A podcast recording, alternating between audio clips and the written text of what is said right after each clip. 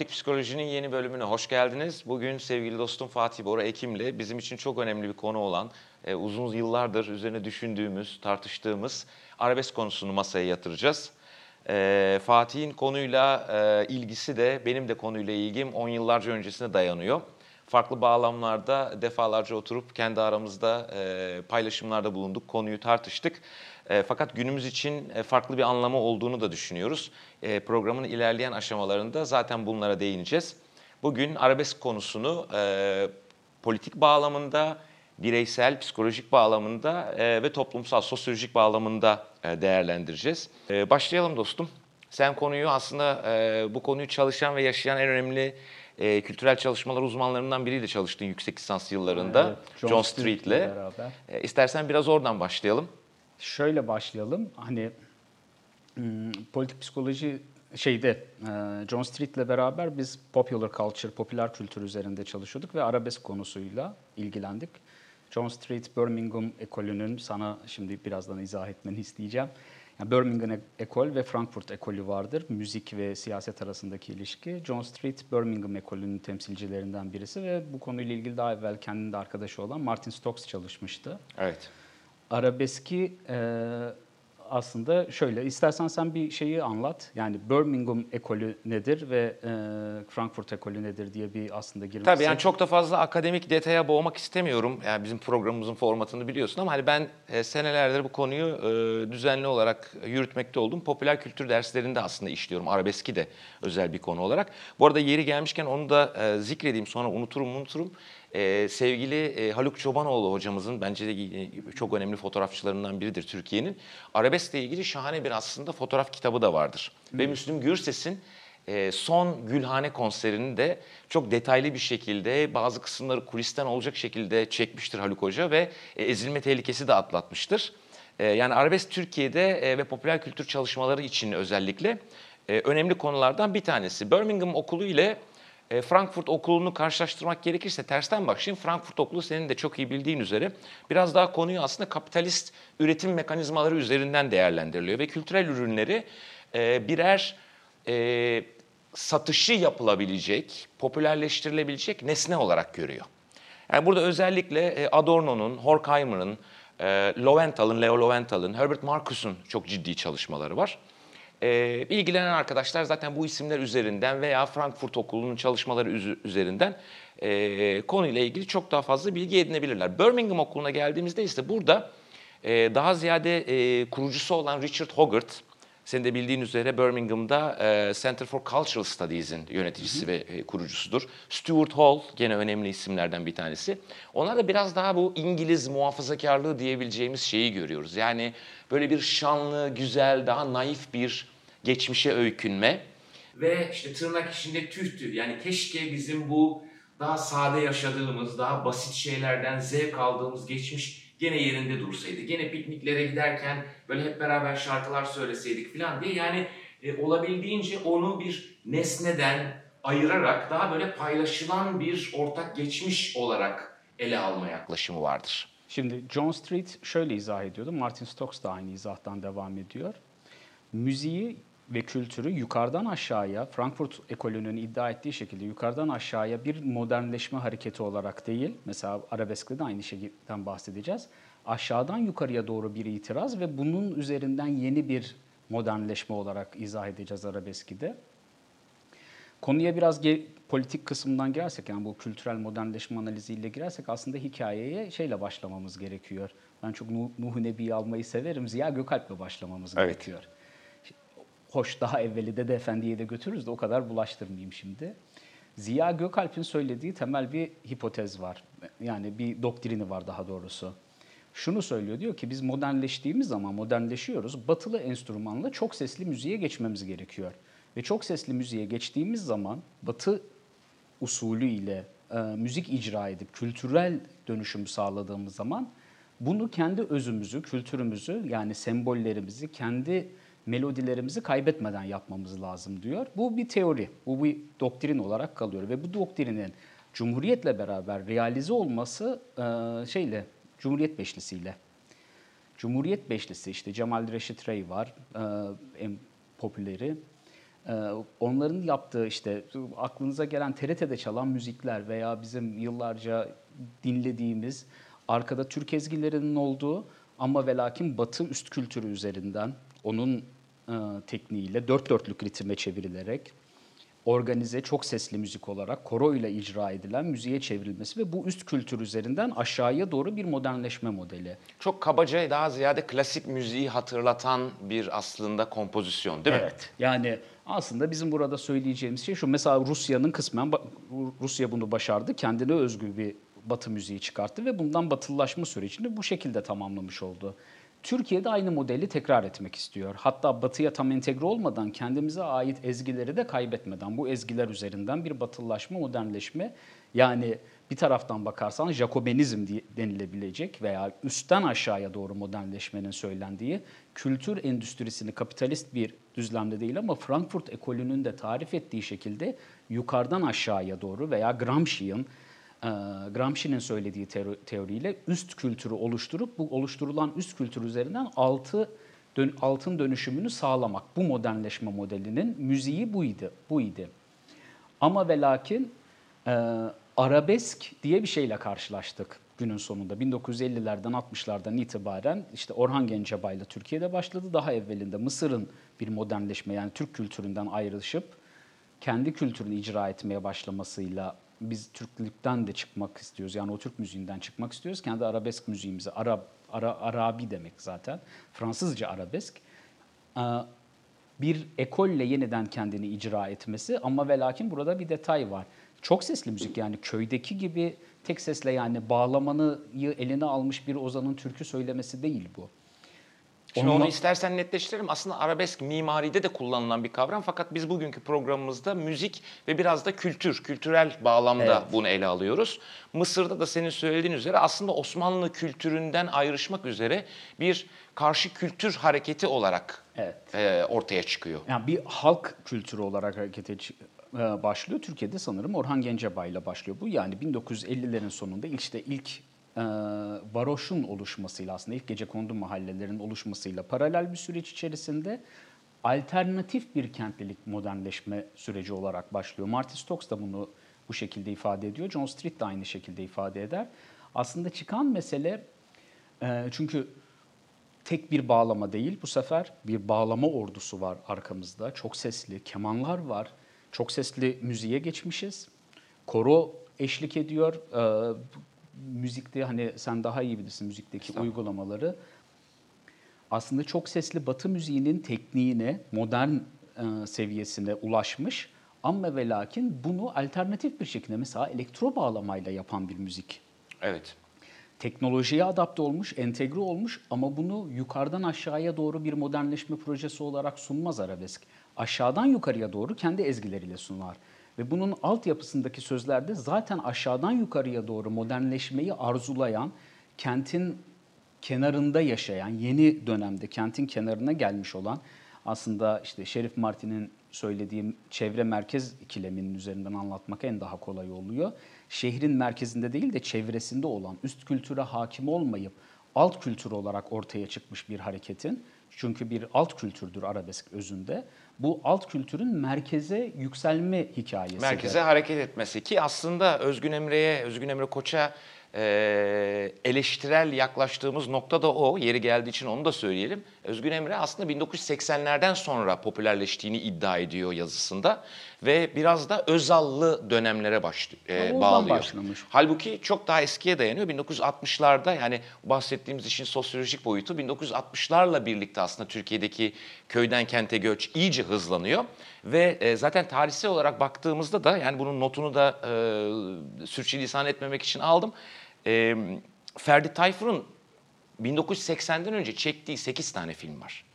Hakeza e, Orhan Gencebay'ın 1971 ile başlayan e, film arşivinde 1980'e kadar çektiği 12 tane film var. Ve o dönem baktığımızda aslında bu sanatçılar, bu şarkıcılar veya bu bestekarlar e, ünlü olsun diye o filmler yapılmıyor. Zaten ünlü oldukları için belli bir e, halk tabanına hitap edebildikleri için zaten bu filmler yapılıyor. O şarkıcı, e, sinemacı, şarkıcı, oyuncu dönemi buna denk geliyor. Ve gene burada tam da senin söylediğin üzere e, Özgün Emre aslında bunu modernizme tepki olarak adlandırıyor. Fakat bu seninle uzun yıllardır süren konuşmalarımda bizim yaklaşımımızda ciddi anlamda bir aslında alternatif modernleşme olarak ele alınması gereken bir konu. kentleşme. Bu buradaki asıl mesele alternatif bir kentleşme modeli, alternatif bir kent üretme modeli. Çünkü sembolleri de aynı yerden geliyor. Yani kentin içerisinde kabul edilmek istiyor. Burada aslında sembolik dile hemen girelim bilmiyorum. Yani sembolik dilde şöyle bir şey var arabeskin içerisinde. Anne vardır, kutsal olan anne vardır ve kutsal olan anne sıla, vatandır ve terk edilen vatandır. Anne mesela arabeskin hikayeleri içerisinde anne genel eve düşer. Çoğu hikayede anne genel eve düşmüştür, anne kullanılmıştır, anne reddedilmiştir, anne ayaklar altına alınmıştır. Annenin başına gelmeyen kalmaz. Sevilen bir kadın vardır. Şimdi bu kadın iki tanedir. Böl- bölme mesela psikolojik biraz girmeye başladık. Psikolojik olarak çok net bir şekilde bölme vardır. Bölmeyi hep anlattık. Tekrar anlatalım bir pro- programda. Ee, Bölme splitting e, mekanizması bir ilkel savunma mekanizmasıdır ve insanın iyi ila kötüyü birbirinden net çizgilerle ayırdığı çok primitif, ilkel, insanın ilkel dönemlerine ait ilkel bir savunma mekanizmasıdır ve burada yaşanılan göçün travmasının üzerine ki biz göç travması ile de ilgili iki tane bölüm yapmıştık. Orada da bahsettiğimiz göç travması özellikle köyden kente geldiği zaman burada sahipsiz hisseden, bildiği güvenli ağı kaybedip anksiyete içerisine düşen birey bu ilkel savunmaya doğru geri çekilir. Düştüğü ilkel savunma yeniden geri dönüp o bölme mekanizmasının aktive olduğu bir yere gelir ve dünya iyiler ve kötüler olarak ayrılır bir anda. İdealize ettiği anne vardır. Aynı idealizasyona mazhar olmuş bir kadın vardır. Bu kadın ikiye bölünür genelde. E, iki kadından birisi olur. Bazı filmlerde, hikayelerde iki kadın arasında kalır veya şarkıların içerisinde bu bir kadındır. Bu kadın şöyledir. Ya kentli ve elde edilemeyen, kendini reddeden bir kadın vardır. Bu filmin sonunda ya o kadın bizim kahramanımıza uyum sağlar, kabul eder onu. Mesela Hülya Avşa, şey Ahu Tuğba ile İbrahim Tatlıses'in bir filminde olduğu gibi tırnaklarını keser, çiğ köfteden yer, gelir ve İbrahim Tatlıses'in sevgilisi olur. Ya da bu Finfon kızı reddeder bizim kahramanımız. Onun gerçek aşkı aslında köydeki Zeynep'idir, Hatice'sidir, Fatma'sıdır. Oraya geri döner. Yani bu ikilemin bölmenin arasında aslında kimliğini kaybetmiş, kimlikten ziyade güvenlik alanını kaybetmiş bir birey var karşımızda. Burada aslında şunu da söyleyebiliyoruz değil mi? Kat'i iyiler ve kat'i kötülerin olduğu bir dünya algısı var o kahramanın Evet, gözünde. Arabeskte zaten en katı işlerden birisi budur. Çok siyah ve beyazdır renkler. Birisi çok iyidir. O çok iyi bir annedir. Mükemmel bir annedir. Yani hayattaki tek suçu fedakar olmasıdır. Başka hiçbir suçu yoktur. Veya bir kötü amca vardır. Kötü amca genelde şehirlidir. Oradaki sembolik dile de dönersek kötü amca şehirlidir. Ya da daha erken şehre göçmüştür Ya- ve o kodları daha çabuk kabul etmiştir. Evet ya da şehre daha erken göçüp göçüp bu kodları kabul etmiştir. Çünkü şehir pistir. Şehir kötüdür. Buranın yani buranın ilişkisi işte beyaz Türkler nefretinin kökeni buradadır. Bir beyaz Türkler sembolü vardır orada. Bizi küçümseyen, aşağılayan, içine kabul etmeyen beyaz Türkler var. Bunu işte AK Parti'nin iktidarının sonuna kadar kullandığı şey aslında arabeskin dilidir. Bu şehirli kötü beyaz Türklerin içerisine giremeyen saf, masum Anadolu delikanlısı ya oradan kızı alır, kendine benzetir ve kabul ettirir. Tıpkı AK Parti iktidarının yapmış olduğu gibi. Ya köyüne döner. Ee, burada da bir baba figürü vardır. Yani kendini koruyan, kollayan bir baba figürü vardır. Ve arabesk filmlerin, hikayelerin içerisinde baba genelde ölmüştür. Kendini koruyan, kollayan baba yani buradaki babanın temel sembolü de eğer aşağıya doğru inersek bunun sembolize hale gelmiş yeri İslam olabilir. Bu milliyetçi değerler olabilir. Köy kırsal arasındaki o network olabilir. Yani o bizim değerlerimiz, muhafaza etmeye çalıştığımız, bizi koruyan, kollayan, muhafaza ettiğimiz iki tane değer var zaten. Annemiz ve babamız var. Muhafazakarın özünde anlatmaya çalıştığı şey bu. Bu babanın kaybolması, babanın yerine kimsenin olmaması yani babasızlık.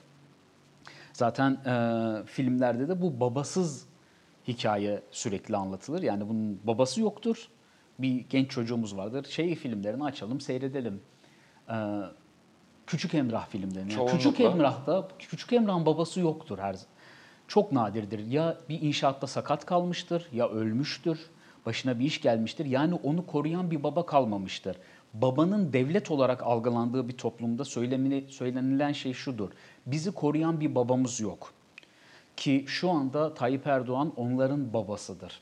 Tayyip Erdoğan'dan vazgeçilmemesinin sebebi bu.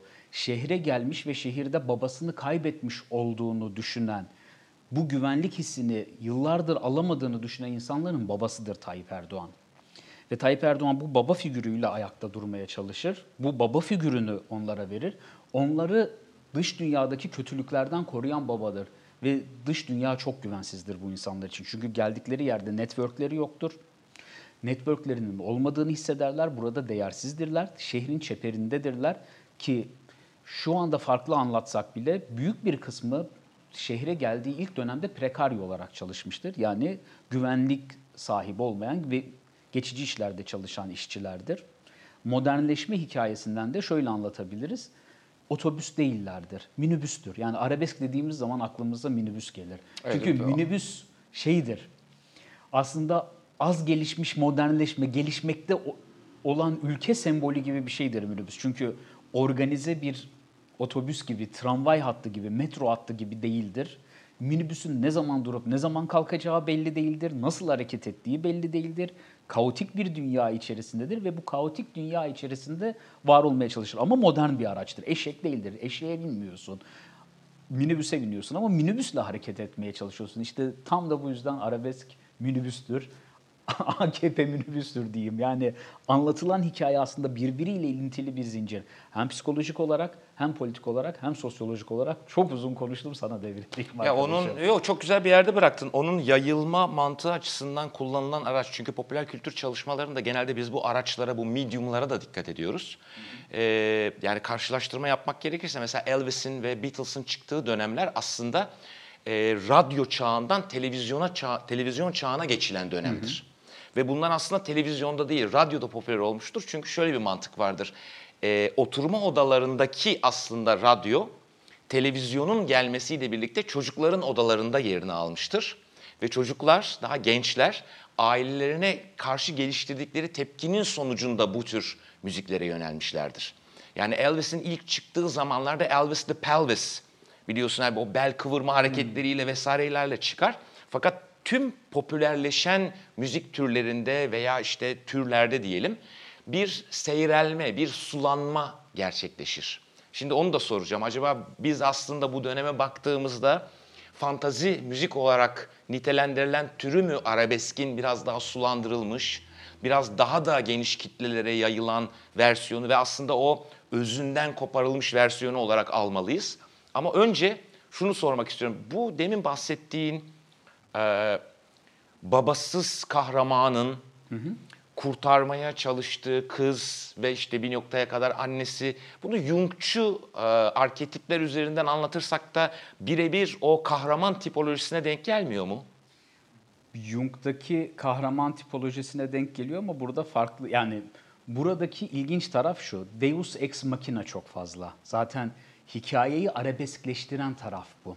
Yani bizim bildiğimiz eee, antik Yunan'dan beri devam eden yani antik Yunan'da biz kayıtlı olarak bildiğimiz arketipler var. Bu arketiplerin devamı tabii ki. Buradaki ilginç taraf yani eee arabeskin arabesk yapan taraf kötünün de kaderden, iyinin de kaderden olması ve mucizevi müdahalelerin sürekli ge- gerçekleşiyor olması. Zaten hayal ve fantezi içerisinde geçen kısmı bu.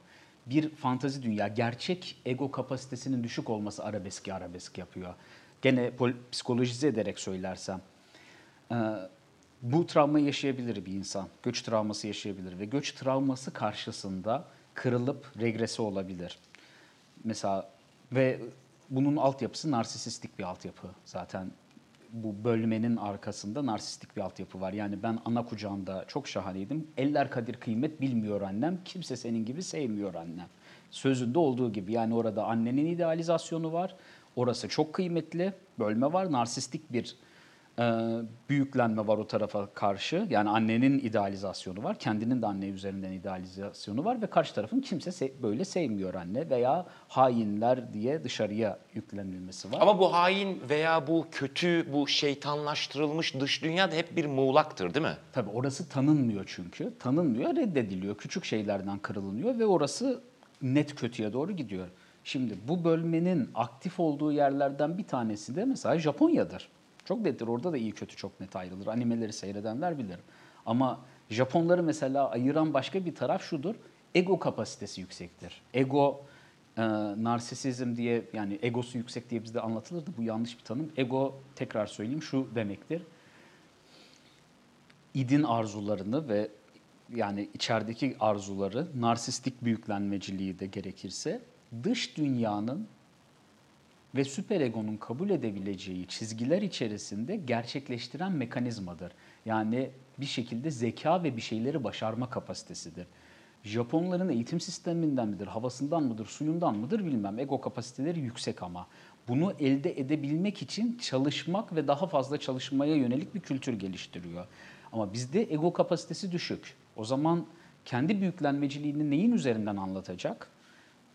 Kırıldım, bir şey yapmaya çalıştım, başaramadım ve kırıldım. Ve şu anda dışlandım, şehrin dışındayım.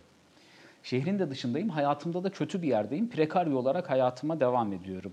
Ne benim hayattaki başarım? Söyleyeceği tek bir şey kalıyor geriye bütün mekanizmadan. Bu acılara benden başkası katlanabilir miydi? Tabii. Ben bu acıları çektim. Bu acılara rağmen ben buradayım. Kader utansın. Beni kader buraya düşürmese ben oho neler neler olacaktım. Bizi kader bu hale getirdi. Yani sürekli Tanrı'ya atıyor dışarıya. Veya bir gün meşhur olursa bütün arabesk filmlerin hikayelerin meşhur olma hikayesi şudur. Bir gün yoldan geçerken bir aksakallı dede görür, bir şarkıcı duy- duyar, inşaatta çalışırken sesini duyar birisi. Deus ex machina, Tanrı'nın eliyle, Tanrı'nın dokunuşuyla gelir birisi ve bir anda kendini sahnelerde bulur ve zengin ve meşhur halinde bulur. Çünkü buraya gelmesi için müzik çalışmasına gerek yoktur. E, e, kültürel bir şeylerle uğraşmasına gerek yoktur. Kendi medeniyetine entegre olma çabasına girmesine gerek yoktur. Tanrı dokunur ve öyle olur. Bu filmlerin hiçbirisinde zaten o anlatıda kahramanımız gidip işte saz çalmayı falan bağlama çalmayı öğrenmez. Zaten biliyordur. Biliyordur. O onun kendisiyle birlikte köyden kente taşıdığı e, enstrümanıdır. O onun kendisini ifade etme biçimidir. Hali hazırda var olan ifade etme biçimidir. Bu arabesk mesela ye- 80'den önce mesela Özgün Emre'nin söylediği şey onun aldığı bağlamda daha sol bir bağlamdan almış. Yani zaten Birmingham School ve Frankfurt School aslında bu konuya farklı bakmasının temel sebeplerinden bir tanesi bu. Ee, Daha sol retorikten bakıldığı zaman, sol e, düşünceden bakıldığı zaman 80 öncesinde bu insanların e, sola meyletmesi bekleniyordu. Bunun da deneyi yapıldı. Aslında biz ilk başta başladık ya Ziya Gökalp'in modernleşme Evet. teorisinden. E, kente gelince bir Orhan Gencebay, Ferdi Tayfur çıktı ortaya. Ama bir de kentte e, köy meto, e, köy sembolleriyle modernleşmenin sembol ismi müzikte karşılığı Ruhi Su çıktı. Evet. Şimdi Ruhi Su da olmadı. Bu ahali Müzikal olarak bambaşka bir tarzdır bu arada. Evet yani Ruhi Su'yu bilmeyenler için söyleyelim. Ruhi Su aynı şekilde batılı teknikle üst bir kültür üzerinden türküleri alıp söylemiştir. Ee, mesela komalar yoktur işte. Aradaki temel arabeskin farklarından birisi işte o kaotik e, arabesk müziği arabesk yapan aksak ritmidir. Müziğin içerisinde komaların olmasıdır, istisnaların var olmasıdır. Mü- müziğin kendi içindeki o kaos içerisindeki harmonisidir aslında. Arabeskin özü budur. Yani bize dair bulduğumuz şey trafiğimiz gibidir işte. Yani yabancı bir adamı getirip koyduğun zaman Avrupalıyı burada 7 bin tane kaza, kaza olur diyeceği yolda biz gidiyoruz bir şekilde. Nasıl gittiğimizi biz de bilmiyoruz. Arabesk tam olarak budur aslında. Ama ruhi su da kentleşelim ve bunu farklı bir yerden yapalım der ve zaten marş gibi okur. Yani o sosyalist bir dille bunu okur. Bunun toplumda çok çok karşılığı olmaz. Çünkü bu adam prekaryo olarak çalışırken e, mesaili çalışmıyorsa yani bu kişi bir fabrika işçisi değilse solun kendi söylediği e, solun içerisinde bahsedilen emek sermaye çelişkisi ve onun içerisindeki o modernleşme süreci oluşmamıştır. Onun karşılığı yoktur hayatında. Minibüse binen adam ruhi su dinlemez.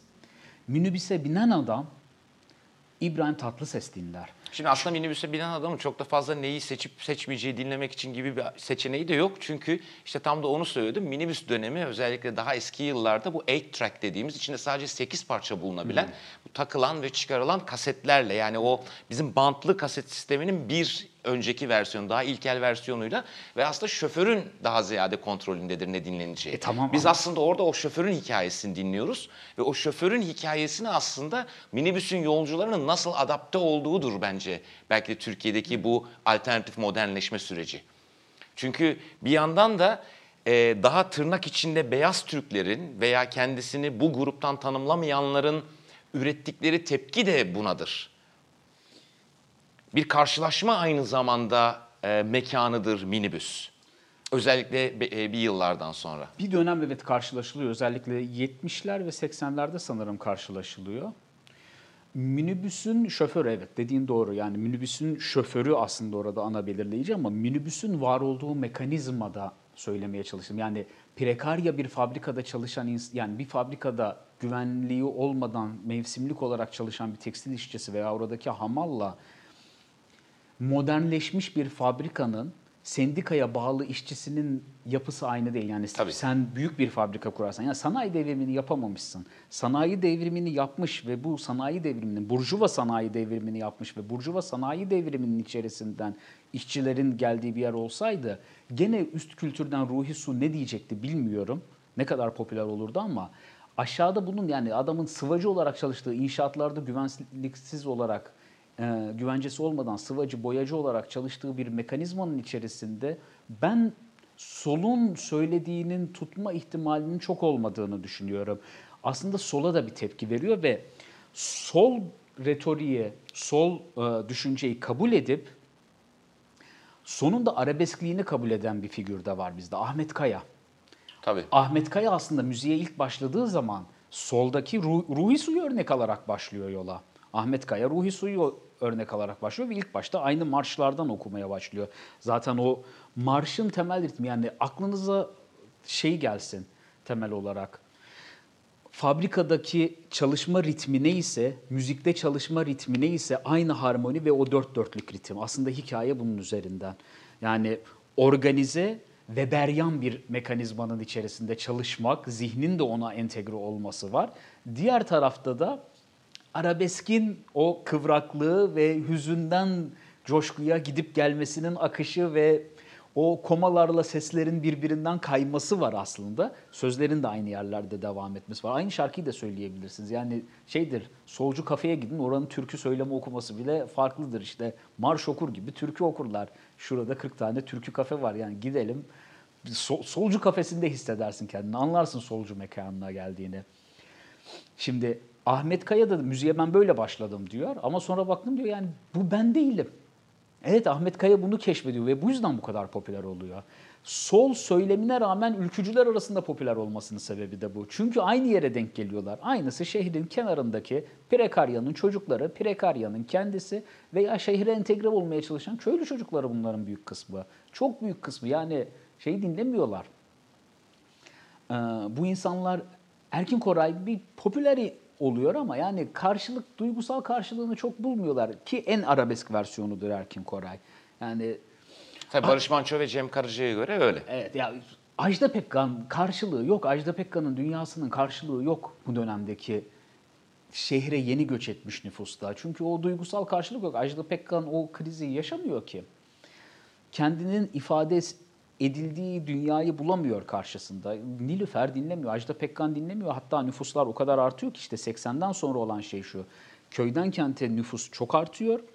Kentte asıl tüketici artık bir jenerasyon öncenin kö- köylüleri olduktan sonra bir evvelki dönemin Türk sanat müziği, işte klasik Türk müziğini icra edenleri de, pop müziği icra edenleri de Zeki Müren bile arabesk okumaya başlıyor. Geri dönüyorlar artık.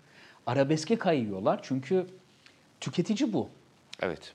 Çok mu uzattım lafı? Yok hayır burada çok Karıştı güzel mı işte yani parantezi kapatmış olduk. Tam da işte Frankfurt Okulu'nun söylediği o eleştirel yaklaşımın söylediği yere geliyoruz. Bir süre sonra o meta satılabilir hale geldiği için de aslında daha fazla üreticiden talep bulmaya başlıyor. Yani üretici bir noktada daha geniş bir tüketici kitlesine açılabilmek için de onu entegre ediyor.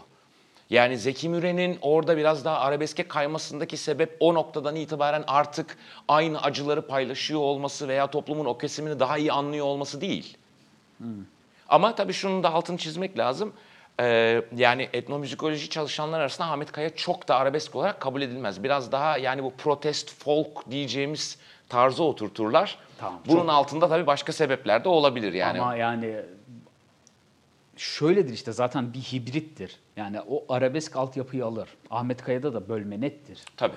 Ahmet Kaya'da net bir bölme vardır. Yani iyiler ve kötüler vardır onda da. Ama arabeskten farkını şurada yapabilirsin. Estetik olarak kendini bir taraftan da ruhi suya ve yani o benzer sol akımın içerisine koyar. İşte grup yorumlar gibi.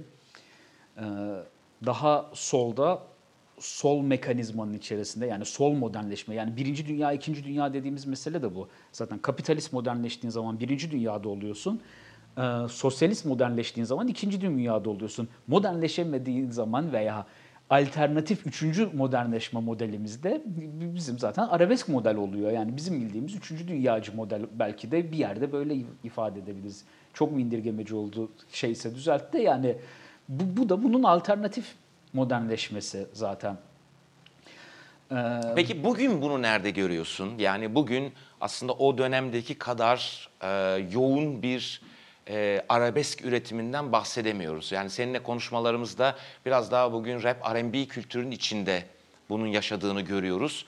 Benzer tepkileri e, gençlerin veya gene toplumun e, daha merkezinin dışında bırakılmış gençlerin kendilerini bir ifade biçimi olarak aslında biraz daha rap ve R&B içinde e, konumlandırdıklarını kendilerini görüyoruz.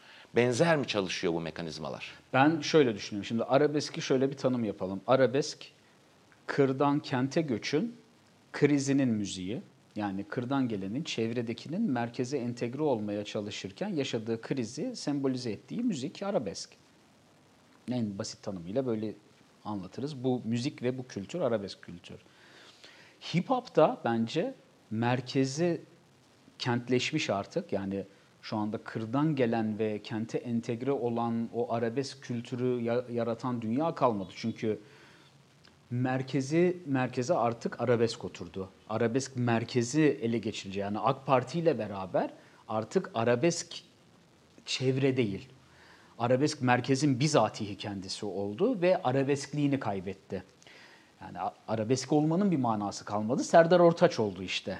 Yani S- Sibel Can oldu, Serdar Ortaç oldu. Hoş yenileri kimlerdir ben çok takip etmiyorum ama. Ebru Gündeş oldu. Ebru Gündeş oldu. Yani o bir yerden sonra da bitti. Onlar artık başka bir şeye dönüştüler. Merkeze oturdu. Merkezde işte e, en lüks mahallede de yani Etiler'de de Etiler'de bir dönem işte 90'ların sonu 2000'lerin başı zaten o dönemin yaşadığı şey buydu. Etiler'de arabesk dinliyordunuz. Hepimiz işte gittik oralarda hop hop ön taraf, Allah Allah arka taraf şeyler arabesk şarkı, şarkıcılar çıkmaya başladı ve böyle bir merkeze bu geçti. Yani Maxim gazinosunda e, işte Zeki Mürenlerin söylediği dönem bitmişti artık. Merkezin bizatihi kendisi oldu. Bu arada şey gibi değil yani İbrahim Tatlıses'lerin 80'lerde merkeze gelmesi gibi değil bu.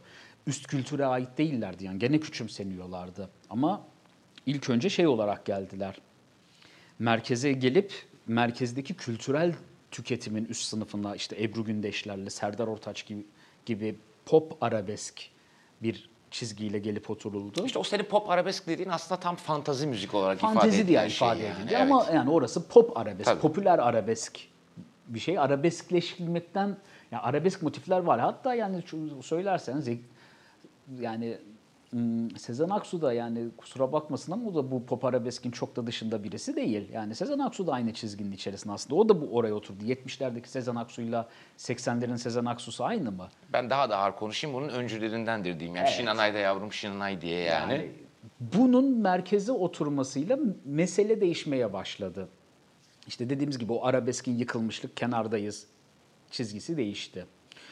Ee, İbrahim Tatlıses'ten de farkı şu, İbrahim Tatlıses bir çeşit freak show gibi aslında merkeze geliyordu. Yani Maxim gazinosuna çıkartıyorlarsa işte bu da var.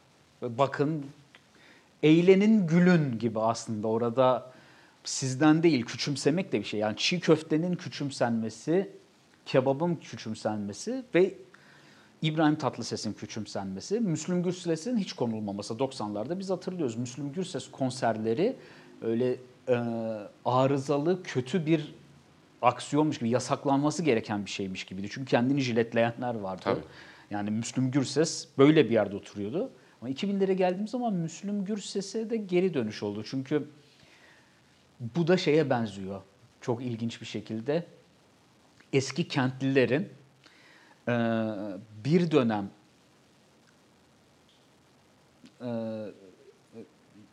ismini unuttum ya bir anda. Necmettin Erbakan'a. Evet yani İslamcı ekolle de entegre edersek yani Necmettin Erbakan'a söylenilen karşı çıkışın arabeske ilk orijinal Müslüm Gürses'e karşı çıkışa benziyordu. Ama Tayyip Erdoğan'ı görünce yani e, Ebru Gündeş'i görünce geri dönüp Müslüm Gürses o kadar da kötü birisi değilmiş dendi.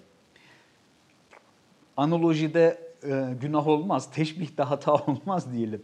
Ama sanki bir yerden geri dönüp ya bunlar da o kadar kötü değilmiş dendi. Bir yerde aslında üst kültürde Müslüm Gürses'i yeniden gidip tanımaya çalıştı. Ya aslında kötü değillermiş, bir şey anlatıyorlarmış dendi ve bir anda 2000'lerde arabesk üst kültüre de gidip yerleşti. Üst kültürün de bir parçası haline döndü.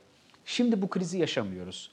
Bu krizin iktidarı geldi ve iktidar süresi de bitti artık. Anlatacak bir şey de kalmadı çünkü Beyaz Türk hikayesi şu anda kimseye hiçbir şey anlatmıyor. Beyaz Türk mü kaldı arkadaş? Yani arabesk dinleyen işte Ebru Gündeş dinleyen adam bakan şu anda. Geçiniz. Yani bakan da o, hakim de o. Öyle bir hikayemiz kalmadı. Yani o içerideki arabeskin anlattığı bölme hikayesi yok şu anda. Şu anda başka bir bölme yaşıyoruz ama. Şu andaki kriz işte senin söylediğine bağlayacağım. Yerelle global arasındaki çekişme yani globali entegre olması ve o da hip hop kültürü üzerinden hatta arabesk hip hop üzerinden farklı bir entegrasyonla geldi. Çünkü bütün dünyadaki bu dışlanmış ve göçmen hisseden ve küresele entegre olmak isteyen, burası bu sefer de tersten bir yer oldu. Bir küresel birliktelik var hip hop üzerinden ve bunu reddeden aslında daha yerel bir, yerel motifin eski entegre olmuşları var. Şu anda ilk şeyle çıktı. Hip hop'un Türkiye'ye ilk gelişi bence Bilmiyorum sen de düşünürsün. Kartelledir. Kartelli. Çünkü Kartel. o dönem onlar Almanya'da bu Evet. aşinalardı ve orada onlar yani Almanya'daki e, Türkiye'den Almanya'ya yaşanan işçi göçü sonrasında Türkiye'liler Almanya'da benzer e, durumlara maruz kaldılar. Evet. Ve onlar oranın o formuyla, oradaki tırnak içinde yerel formla kendilerini ifade ettiler.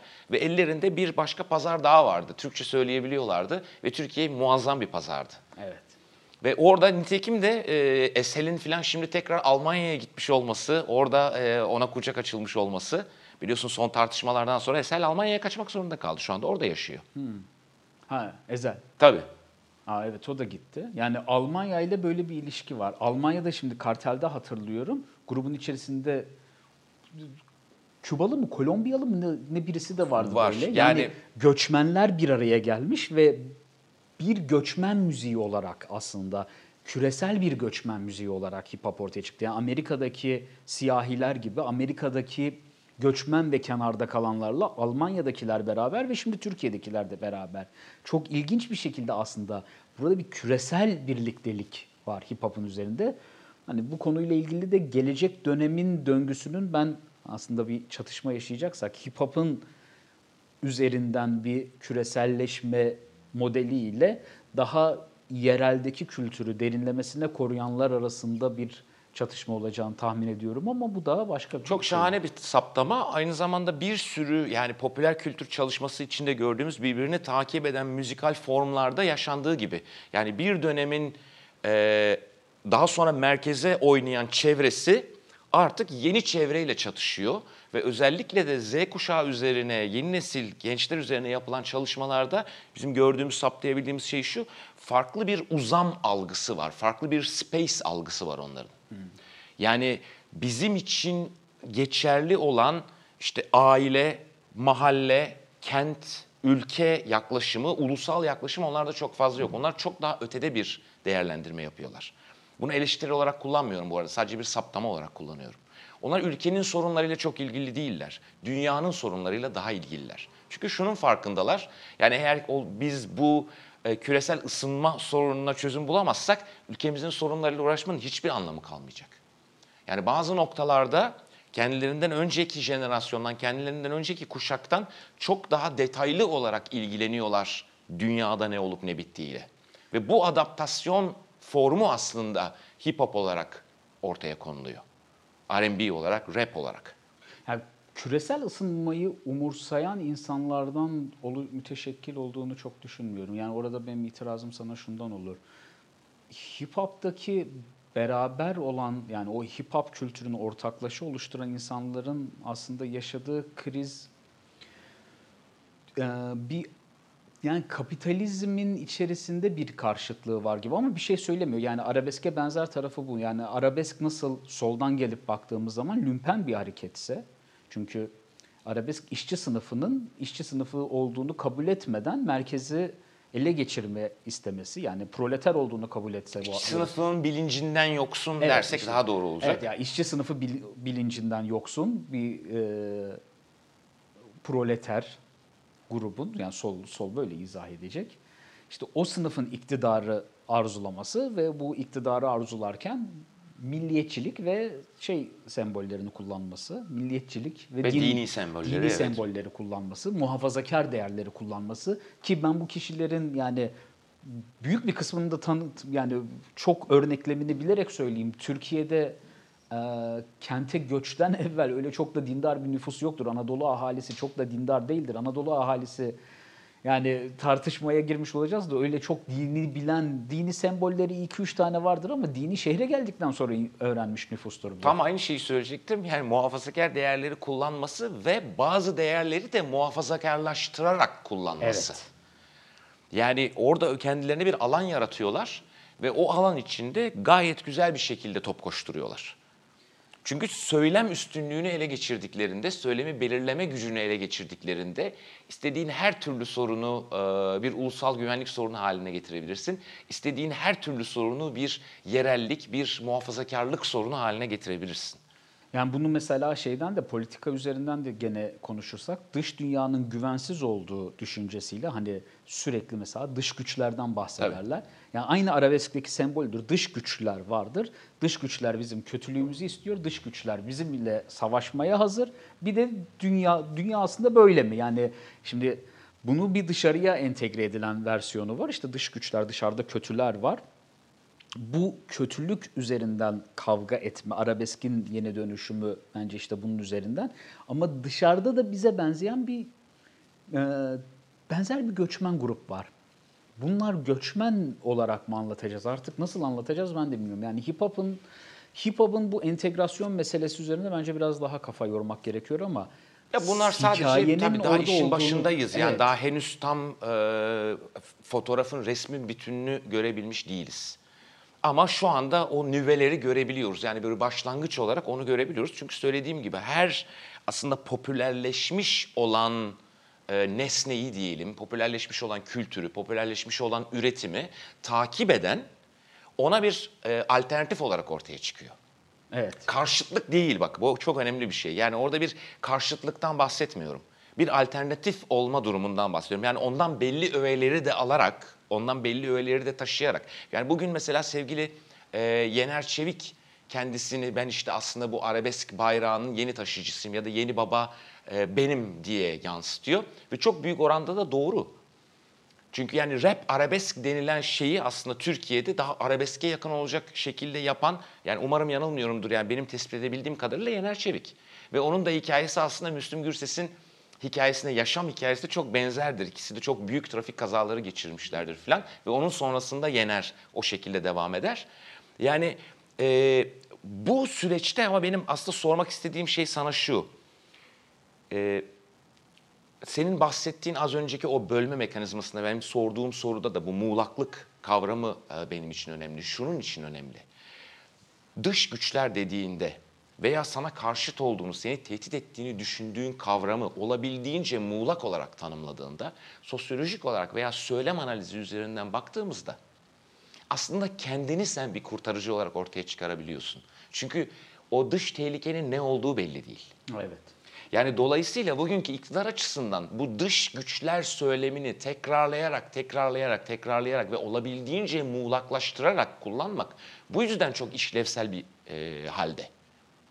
Yani sen dışarıdaki tehlikenin ne olduğunu net olarak tanımlayamazsan veya bunu tanımladığını söyleyenler, senin için tanımladığını söyleyenler bunu olabildiğince muğlak bırakırlarsa o zaman Tayyip Erdoğan hala daha bir kurtarıcı olarak ön planda kalabiliyor. İşte bu da yani 5 yıl önceki gibi çalışmıyor. Çünkü bu e, diyalektik bitti. Yani biz bir paradigmanın e, paradigma sıçramasına geldik artık. Yani o paradigma onun içerisindeki döngü dünyayı izah etmeydi. Kişilerin duygularını izah etmesine de yeterli olmuyor artık. O yüzden çok yeterince karşılık bulmuyor. Çünkü işte hip hop'taki o karşı tarafın yani gidip Amerika'daki bir riff mi deniyordu? Yani o şey beat'i mi? Beat, evet. Yani Amerika'dan o beat'i alıp kullanıyor olması ve onu kendine entegre ediyor olması aslında onun dünyaya o kadar da bakmadığı, sınırları o kadar da önemsemediğini gösteriyor. Ama karşı tarafta başka bir şey daha var. Mesela bununla da ilişki hani biz arabeskle başladık konuyu çok dallandırıp budaklandırmayalım da mesela bütün dünyada nereye giderseniz gidin ki buna Türkiye'de de dahil daha milliyetçi hatta biraz daha ırkçıya varan özellikle batıda müzikle rock yani o gruplarla rock müziğin ve metal müziğin eşleşmesinin de sürpriz olduğunu düşünmüyorum. Yani o eşleşmeyle hip hop'taki eşleşme aslında karşı karşıya geliyor ve pop kültüründe içerisini mesela işte pop da kalmadı pop 1980'lerin pop müziği değil. Yani bir taraftan rock bir, bir dönem ele geçirmişti. Rock ve alternatif müzik. 90'lar, 2000'lerde Tabii. ele geçirmişti. 2000'lerden sonra artık yani şu anda ben pop müzik diye genelde hip hop, R&B benzeri şeyler duyuyorum. Çünkü arabesk nasıl merkeze oturduysa aynı şekilde o R&B hip hop da merkeze oturdu, dünyanın merkezine oturdu. Bizde de bunun üzerinden yayılıyor ve bunun alternatifi bir Adana MC şey var. Mesela Z kuşağının bence en kritik yerlerinden bir tanesi de olacak. İşte ne deniyor ona? Adana hip hop mu deniyor? Bağcılar hip hop mu deniyor? Başka bir şey. Ya o şekilde biraz küçümsenerek kullanılıyor tabii ki ama Küçümseyerek söylüyorlar ama yani ana akım orada. Ben seyrediyorum yani. Çok dinlenen birisi işte e, MC bilmem kim diye birisi. Ben de yani bi- biraz geride kaldım. 10 yıl öncesinden evveliyle çok müzik yok. Yani etrafta duyuyorum böyle bir şeyi. Şu çok dinleniyor diye bana söylüyorlar. Bir bakıyorum işte bizim güya en popüler şarkı dediğimiz etrafta duyduğumuz şarkı 5 milyon 6 milyon seyredilmiş YouTube'da öbürünü bir açıyorum 150 milyon 80 milyon kim bu kadar dinliyor bilmiyoruz. Biz de Z kuşağı deyince sanırım temel bir hataya varıyoruz. Biz Z kuşağı dediğim zaman daha ziyade sesini daha çok duyduğumuz kolejlerde olan orta orta üst sınıftaki Z kuşağını çok duyuyoruz ama hakikaten şehrin gettosunda olan şehre entegre olmuş. Yani bunlar artık iki jenerasyon öncenin arabeski gibi şehre de entegre durumda değiller. Şehre entegreler yani barda gördüğünüz zaman bunun kim olduğunu anlayamıyorsunuz. tabii şehre entegre olmaya çalışır durumda değiller. Çoktan şehre entegre Şehre- olmuş şehre vaziyetteler. entegre olmuş vaziyetteler. Ama bizim tanımadığımız bir kültür de var orada. Bence işte burayı daha ileride daha çok irdeleyeceğiz. Burayı da görmemiz gerekiyor diye. Görmemiz gerekiyor çünkü ne yazık ki bu tür çalışmaların çoğu da bu kuşağı veya bu gençleri anlamak üzerine değil, nasıl hızlıca tanımlayabilirim ve nasılca onları nasıl onları hızlıca bir yere yönlendirebilirim veya onlara bir ürün satabilirim veya onlardan oy devşirebilirim şeklinde yapılıyor ki işte bu da maalesef Türkiye'deki e, sosyal çalışmaların hala daha e, belli bir noktanın altında, belli bir aşamanın, belli bir seviyenin altında olduğunu bize gösteriyor. Ağzına sağlık. Sağ ol, çok teşekkür ederim. Senin İzlediğiniz için sağlık. teşekkür ederiz. Teşekkür ederiz.